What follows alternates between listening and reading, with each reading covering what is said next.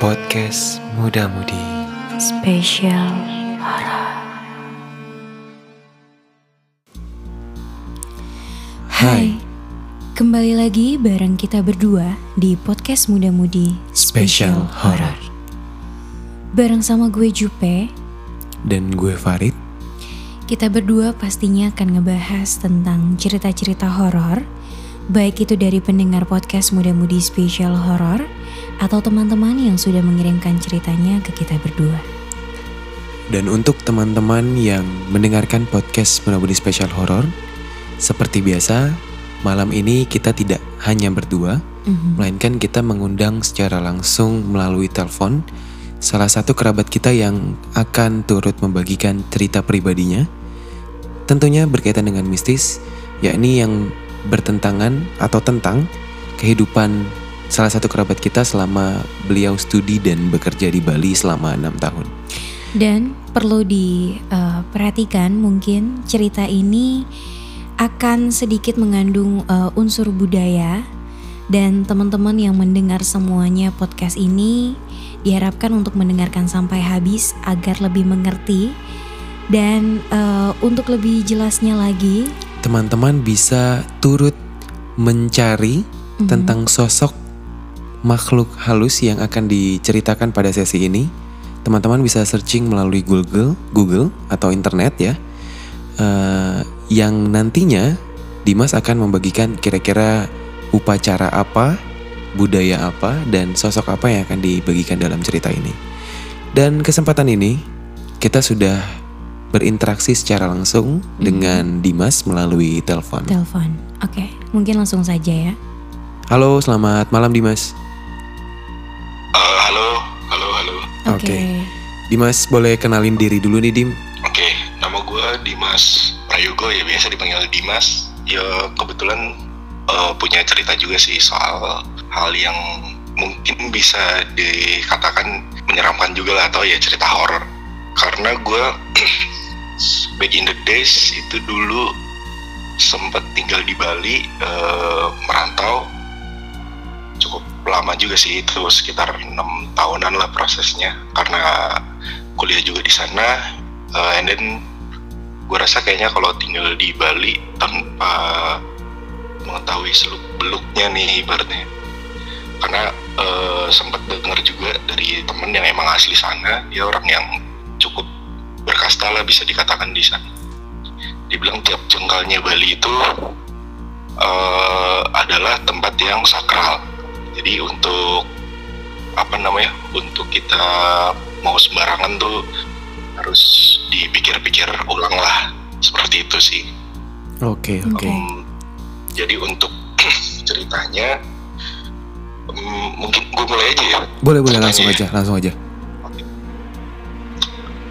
Jadi eh, pada pada suatu ketika lah ya jadi di di, di Bali ini kan upacaranya banyak nih Mm-mm. Mhm. upacara-upacara adatnya eh, dari kayak tumpok landep, terus eh, pagar besi, eh, upacara apa namanya untuk peringatan Saraswati. Mhm. Nah, di salah satu yang sebetulnya upacara adat juga, tapi bisa dikatakan em, cukup bisa dirasakan sudah dikomersilkan lah sekarang, tapi tidak menghilangkan sisi gimana ya sisi sakralnya sih. Itu eh, namanya tuh upacara apa ya aku lupa. Itu pokoknya eh, wait ini gua gua, search ulang. Tapi intinya upacaranya ini adalah upacara untuk eh, teman-teman yang di Bali ini untuk mengadu ilmu gitulah mengadu ilmu di mana dia merasa bahwa dia orang yang cukup gimana ya cukup punya ilmu spiritual yang tinggi Oke. jadi mengadu ilmunya dengan eh, salah satu sosok yang mungkin kalau di masyarakat di seluruh Indonesia kayaknya lebih kenalnya sih leak ya padahal Oke. sebenarnya bagian dari leak itu sebenarnya ada ada beberapa sosok lain sih. Itu kayak kayak ada sebutannya kayak celulu and then ada sebutannya itu eh, rangde. Mhm. Nah, jadi pada saat pas suatu malam gitulah temen tuh ngajak di mau nonton ini enggak pentas. Ini apa namanya eh, di desaku di daerah Denpasar sih sebetulnya. Cuma by the way karena gue maunya itu karena memang daerahnya kan deket kosan. Gue Mhm. pikir oh yaudah eh, ikut aja deh. Kayaknya nggak nggak masalah juga nih gitu. Terus dia bilang ini tapi ada salah satu syaratnya dim. Oke syaratnya apa ya kalau boleh tahu? Bilang gitu kan. Terus dibilang harus pakai sebenarnya nggak harus sih tapi kalau bisa ya pakai baju adat aja pakai baju adat yang santai which is pakai kamen kain gitu terus pakai udeng ya berpakaian sopan sebagaimana mestinya lah kata dia gitu kan. Eh, and then pada saat pas gue mau berangkat gue bilang sama cewek gue nih karena kebetulan eh, cewek gue agak tertarik juga sama budaya-budaya Bali kan. Mhm. mau ikut atau enggak kata dia. Oh mau mau mau gitu. Em, and then pada saat itu kita berangkat gua dari awal sebenarnya ada ada sedikit kengerian juga sih. Soalnya eh, banyak yang bilang kalau misalnya nonton upacara ini tuh harus sampai selesai. Jadi kita nggak boleh pada saat pas upacaranya di pertengahan jalan atau sudah mulai tapi kita duduk di situ dan kita pulang lebih dulu itu eh, bahayanya adalah nanti salah satu ibaratnya yang ya makhluk astral yang jahatnya lah. Atau bisa disebut dia leaknya itu ngikutin. Sampai nantinya ada upacara selanjutnya and then eh, kita harus nonton lagi sampai selesai. Pokoknya prosesi dari awalnya sampai akhir. Untuk prosesi sakralnya itu kita harus nonton dari awal sampai akhir. Nah acara itu by the way jam 12 12 12-an malam gitulah atau jam setengah satu gitu. Berakhirnya tuh kayak jam 3an gitu. Mhm. Oke. gue pikir lama juga kan. Iya namanya kepo ya kan anak. Ibaratnya dari Jakarta gitu nggak tahu budaya apa belum tahu budaya Bali yang segimananya dan tertarik juga gitu. Gimana sih gitu. Terus pada saat pas itu singkat cerita ya nonton prosesi berdoa gitu nah prosesi kayak berdoa berdoanya gitu mungkin pemanggilan arwahnya atau segala macam ya Mhm. terus gue rada kaget tiba-tiba ada orang rame-rame nih ada orang rame-rame bawa kayak keranda gitu sih bawa kayak keranda gitu yang dari anyaman bambu jadi Ya. bukan kayak keranda yang seperti kita lihat kayak di maksudnya sorry ya maksudnya kayak di sinetron-sinetron gitu kan kerandanya kayak dari besi gitu kan Iya iya. Mhm. Kalau ini tuh ini dari rotan gitu terus temen gue tiba-tiba nyolek dim ini prosesi yang mungkin kamu nggak bisa menerimanya dengan nalar kata dia. Oke ini apa ya kalau dia rame-rame terus ada suara gamelan-gamelannya juga segala macam. Eh and then dibilang jadi orang yang tidur di dalam keranda itu dim itu sukmanya sudah di alam lain. Mhm. wah lumayan tuh. Gue udah ini ini asli gue semua udah merinding banget sih saudara ceritanya jadi eh sisi ngerinya adalah orang ini sebetulnya hidup. Bisa dikatakan ya dia hidup gitu. Cuma sukmanya itu di diambil and then di lapangan itu itu tuh dia bertarung sama si dua sosok tadi. Correct me if I'm wrong ya mungkin salah satu pendengar juga mungkin ada yang tahu atau gimana ya. Dia bertarung ke salah satu sosoknya atau dua-duanya gitu gue rada lupa sih. Tapi yang jelas eh, dia kayak mengadu ilmunya gitulah kayak bertarung gitu.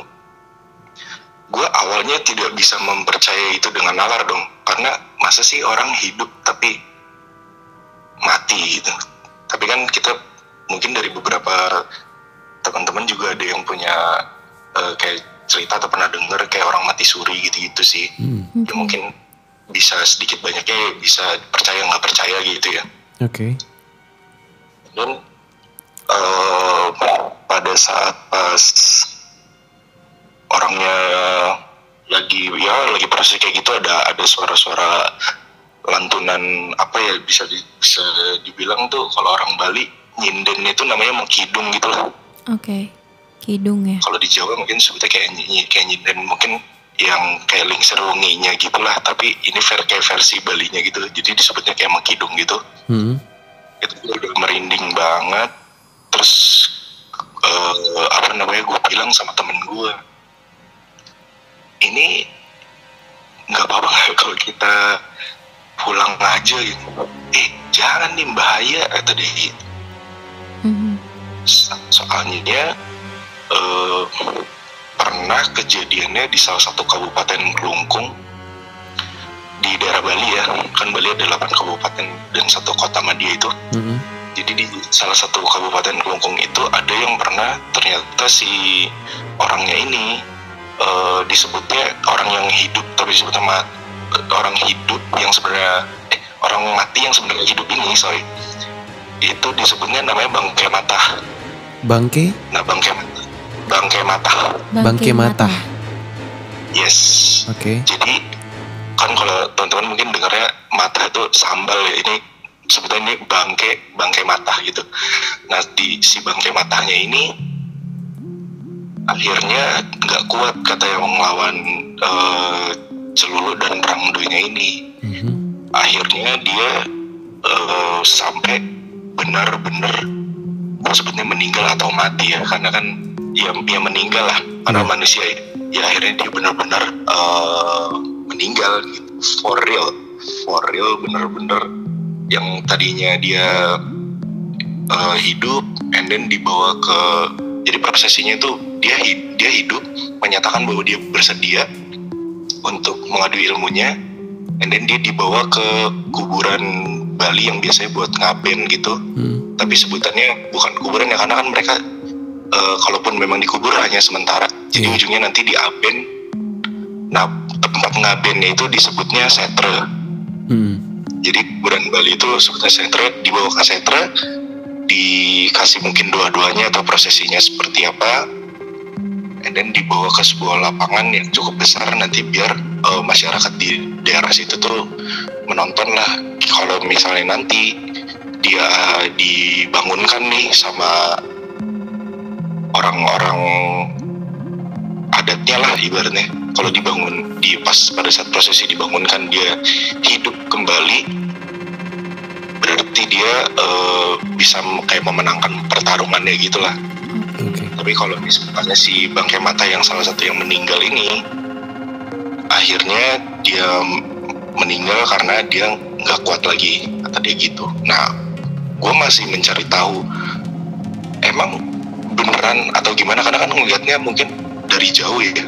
Tapi ternyata pernah ada kayak eh, medisnya gitu salah satu dokter yang pada saat awal menyatakan bahwa orang ini masih hidup setelah dibawa ke setre dan dibawa ke lapangan itu mungkin pakai alat apa gitu ya atau dia memang ngetes dari denyut nadi atau segala macam itu dia memang nggak ada denyut nadinya Oke. Oke. jadi gue sedikit mau tidak percaya sebetulnya tapi di satu sisi wow ada medisnya juga nih yang pernah maksudnya bisa dikatakan ya secara valid juga dia eh, ngetes si orang ini sebenarnya dibilang masih hidup tapi dalam keadaan mati.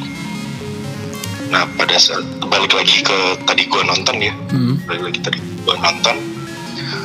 Tadi akhirnya gue menyatakan untuk ya udah akhirnya gua pulang pada saat pas prosesinya belum eh, selesai. Itu gue hal terkonyol, ter mungkin terbodoh juga sih yang pernah gue lakuin ya. Karena kan kita sebagai orang yang dari luar harusnya menghormati apa pun yang sudah disepakatin ya sama umat eh, Hindunya di Bali gitu, orang-orang adat situ. Karena kan mereka yang lebih ngerti. Hmm. Dan singkat cerita gue balik, nggak ada apa-apa sih pada saat pas balik ya. Hmm. Tapi seminggu ke depannya gue sama temen sama temen gue dua ini uh, yang tadinya ngajak gue nonton upacara ini uh, ngajakin jalan-jalan ke daerah Nusa Penida ya yang udah cukup terkenal di Hmm. Bali Hmm.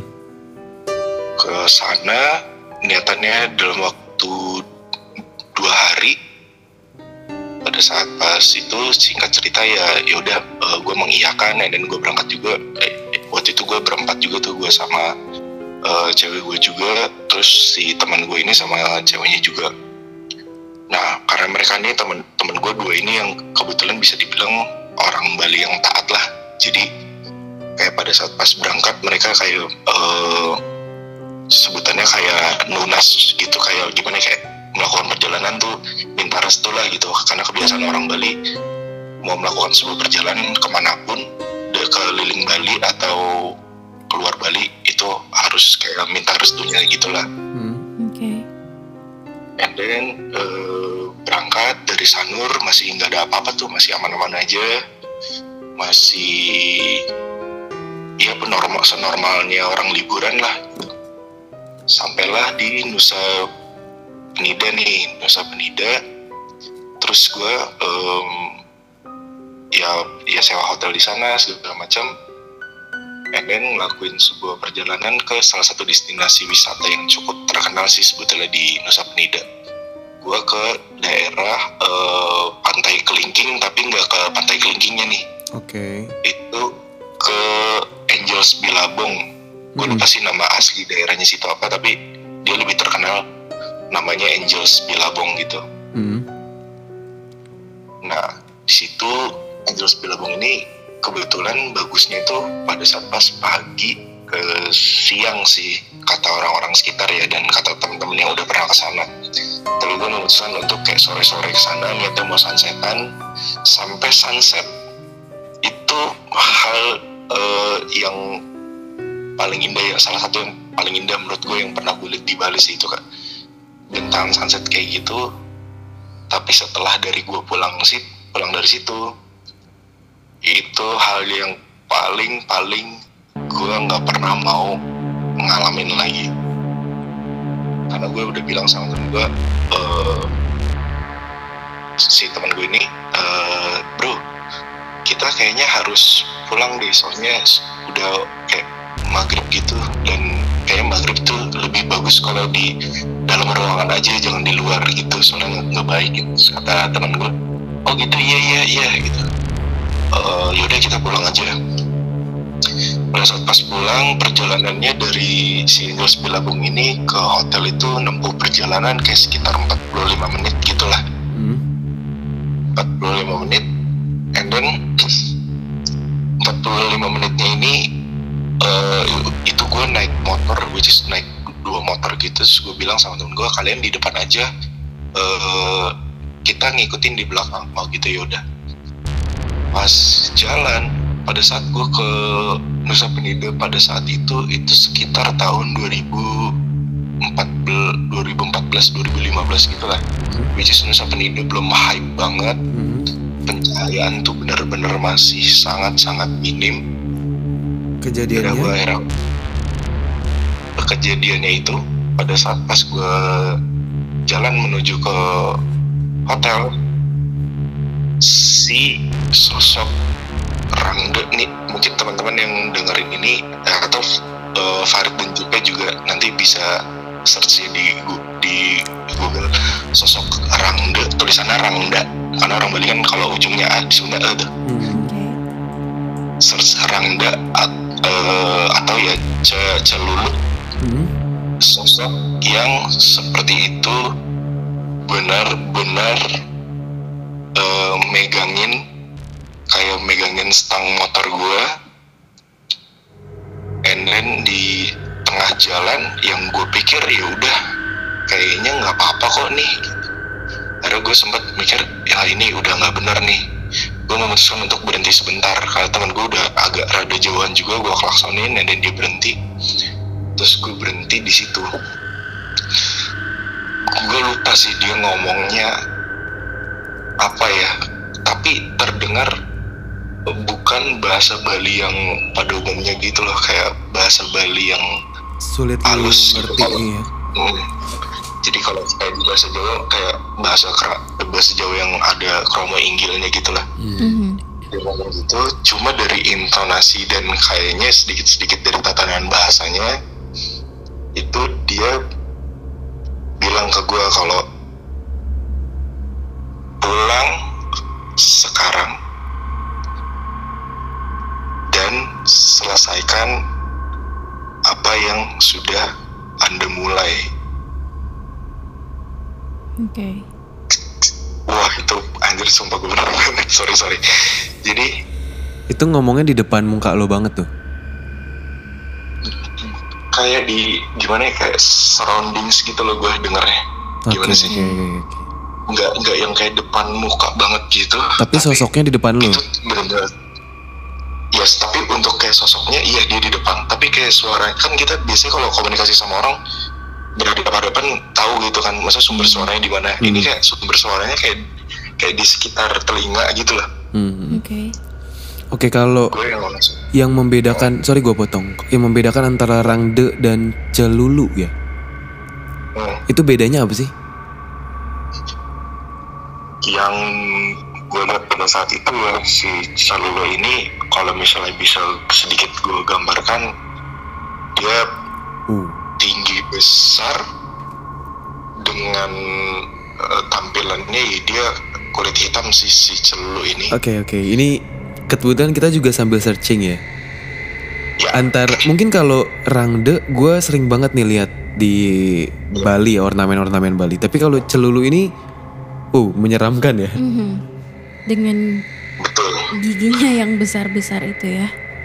karena mungkin gini ya si Rangde ini ya dia benar juga sih Farid bilang soal kayak mungkin karena udah sering lihat jadi eh, ya sebenarnya kalau ketemu secara langsung dan secara tiba-tiba gitu pasti tetap ngeri sih Tetep lah. tapi Tetap, tetap.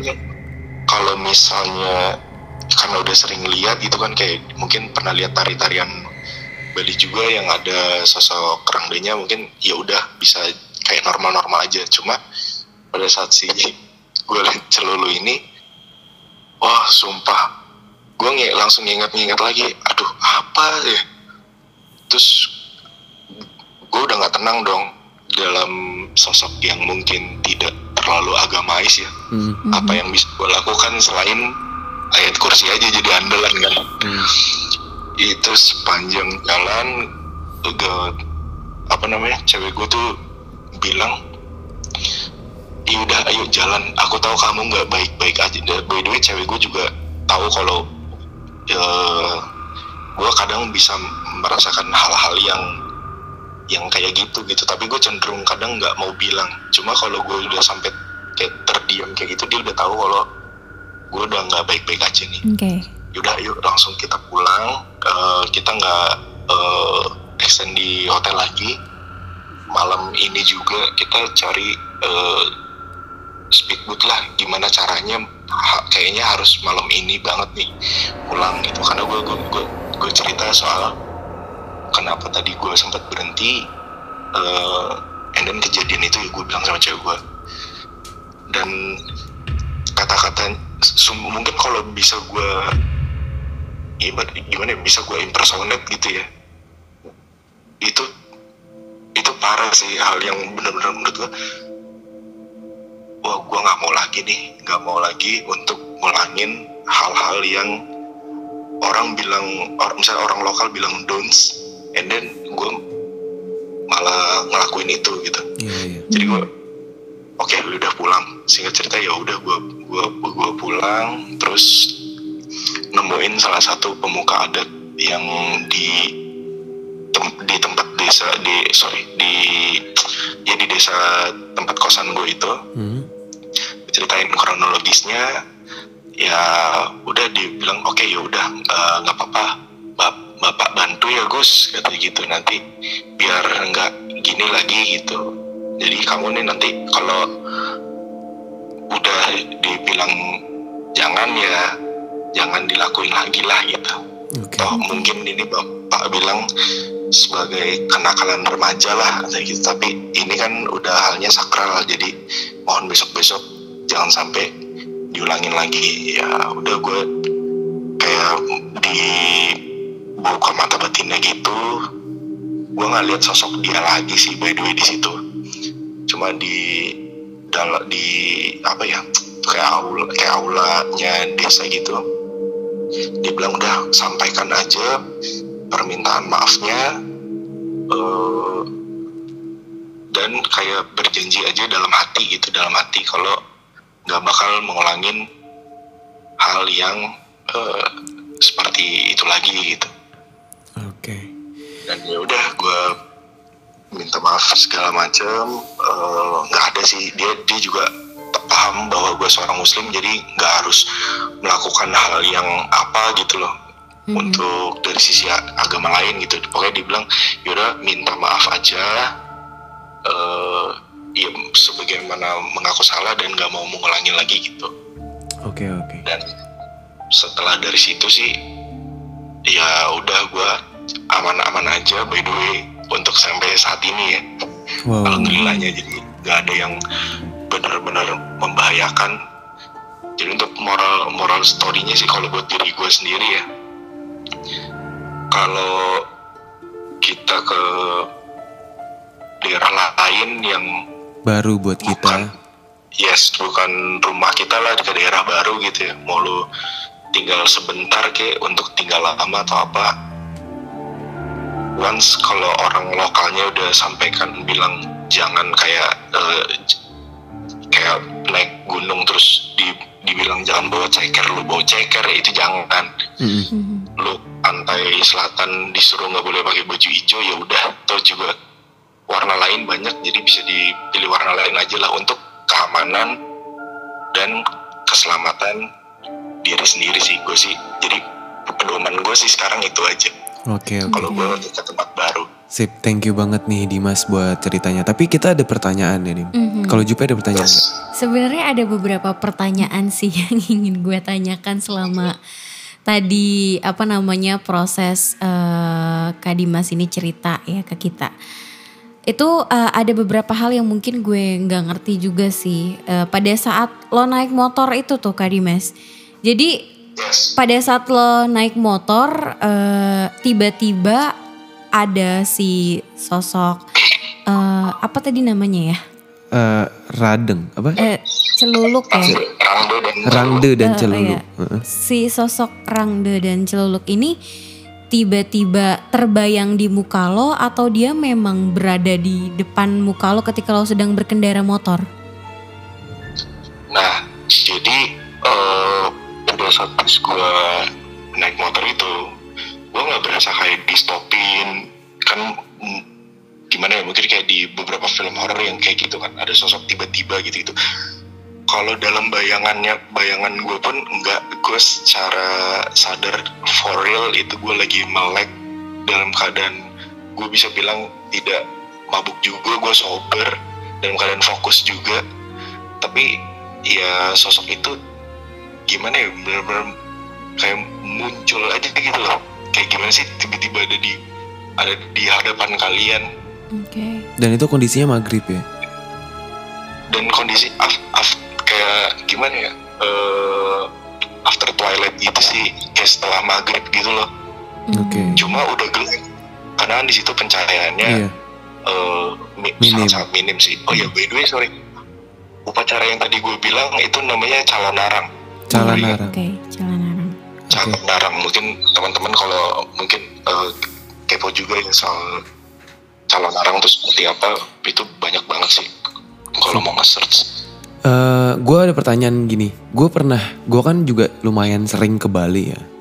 Setahun bisa Oke. sekali dua kali. Nah, Ya. gue sering banget nih dengar cerita kalau sosok leak ini muncul biasanya ada tanda-tanda tuh kayak bunyi kring kring kring gitu ya, kayak lagi dipasang di kaki jalan. ya Kayak gelang kaki, gelang kring apa gelang lonceng yang dipasang di kaki, gitu kan? ya Nah, kalau saat eh, menurut Dimas yang udah tinggal di situ lumayan lama, itu benar nggak sih ceritanya kalau tanda-tanda leak datang tuh ada bunyi itu? untuk si bunyi suara itu kalau misalnya si ya eh, leaknya mau menunjukkan Wujudnya? wujudnya dia lah ya adanya dia gitu existingnya dia Hmm? itu memang ditandingnya dengan si lonceng kaki itu sih dan beberapa ada juga kayak dengar lonceng kaki gitu sama kayak suara-suara gamelan. Hmm. Nah tapi katanya kalau memang mendengar hal itu eh, dan kita dalam gimana ya dalam keadaan yang lemah juga itu tuh justru sebenarnya tanda untuk bahaya sih. Jadi kalau bisa Cabut ya. hindarin tempat itu dulu gitu. Oke, gue merinding karena gue jujur ini merinding. Mungkin dari ceritanya Dimas banyak tentang eksplanasinya ya, tentang penjelasan Hmm, betul. background Secara tentang mendetail iya, tentang ya. mendetail. Tapi buat para pendengar, gue saranin lo sambil dengerin cerita ini sambil searching Sambil rangde itu apa, celulu itu apa, upacara calalang, Calanarang. calon calanarang itu apa. Karena sambil lo searching, sambil lo dengerin, lo bakal bisa imajinasiin sosok itu bener-bener ada di hadapan lo. Betul. Dan beneran seserem itu cuy. Gua gua tadi merinding karena gue pernah ada kejadian sambil sharing juga sama Dimas. Gue nginep di salah satu hotel. Jadi gue udah booking hotel tuh dari siang dari Hamin seminggu sebenarnya. Cuman pas siang-siang gue sampai Bali ternyata nama gue nggak ke input di sistem. Oke. Akhirnya gue harus cari ba- eh, hotel yang ya udahlah yang penting gue nginep malam ini gitu. Pas gue nginep di hotel itu eh, ada larangan ngerok, dilarang ngerokok kan ya.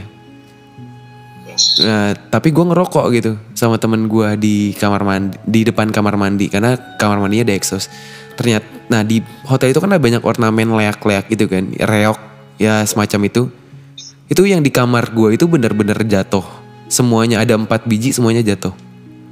Oke. Oh, Itu dan malam-malamnya kita ke, kita bertiga kebangun gara-gara dengar suara gamelan itu. Makanya tadi pas Dimas bilang Munculnya sosok gamelan- leak ini ya. gamelan juga salah satu tandanya. Gue langsung ngebayangin, oh iya keinget gitu loh. Mhm. Karena lo pernah merasakannya juga. Iya benar-benar. Sip sip, Eh, thank you banget Bang Dimas udah sharing ceritanya. Mhm. Eh, ini kita sambil belajar banyak juga Betul banget. soal budaya Bali. Next time mungkin kalau ada cerita yang lebih serem lagi, kita juga open untuk bisa kita dengerin, bisa Betul. kita bagi ke teman-teman. Oke. Ya, Jupe ada tambahan? eh, mungkin udah cukup kali ya eh, Kak Dimas. Pokoknya next nanti kalau seandainya ada cerita-cerita lagi dengan senang hati kita eh, pastinya akan mengundang Kak Dimas lagi ya untuk on the phone bareng sama Iya, kita. ya. Mungkin nanti someday juga bisa ada di tengah-tengah kita ya. Betul, bisa di radio, studio bisa kita kita ya. recording bareng. Oke, sekali lagi thank you banget Bang Dimas. Eh, malam-malam jam 0022 gue gangguin dan juga Jupe. Sampai ketemu lagi. eh, nanti bisa di-share kalau podcastnya udah di eh, announce ya.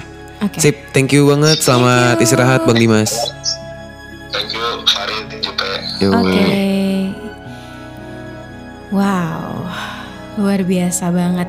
Kali ini kita bukan cuma ngedengerin soal cerita horor dari salah seorang teman kita, tapi juga kita belajar banyak mengenai kebudayaan serta mitos-mitos yang ada di masyarakat khususnya di, dari masyarakat Bali ya. Oke, dan buat teman-teman pendengar, gue setuju banget sama Jupe.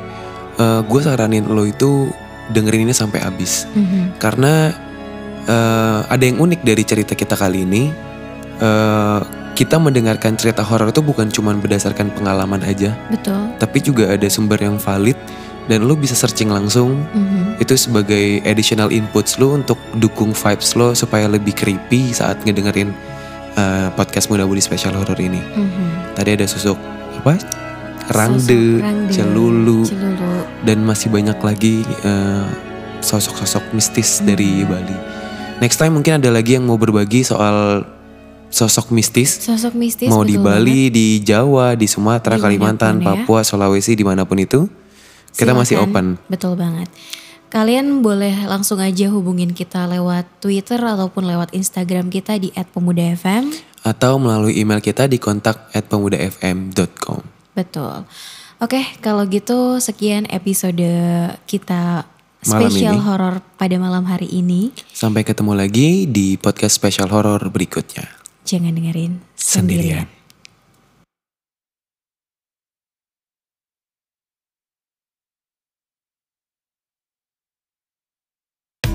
Hai anak muda, Jangan lupa dengerin podcast Muda Mudi.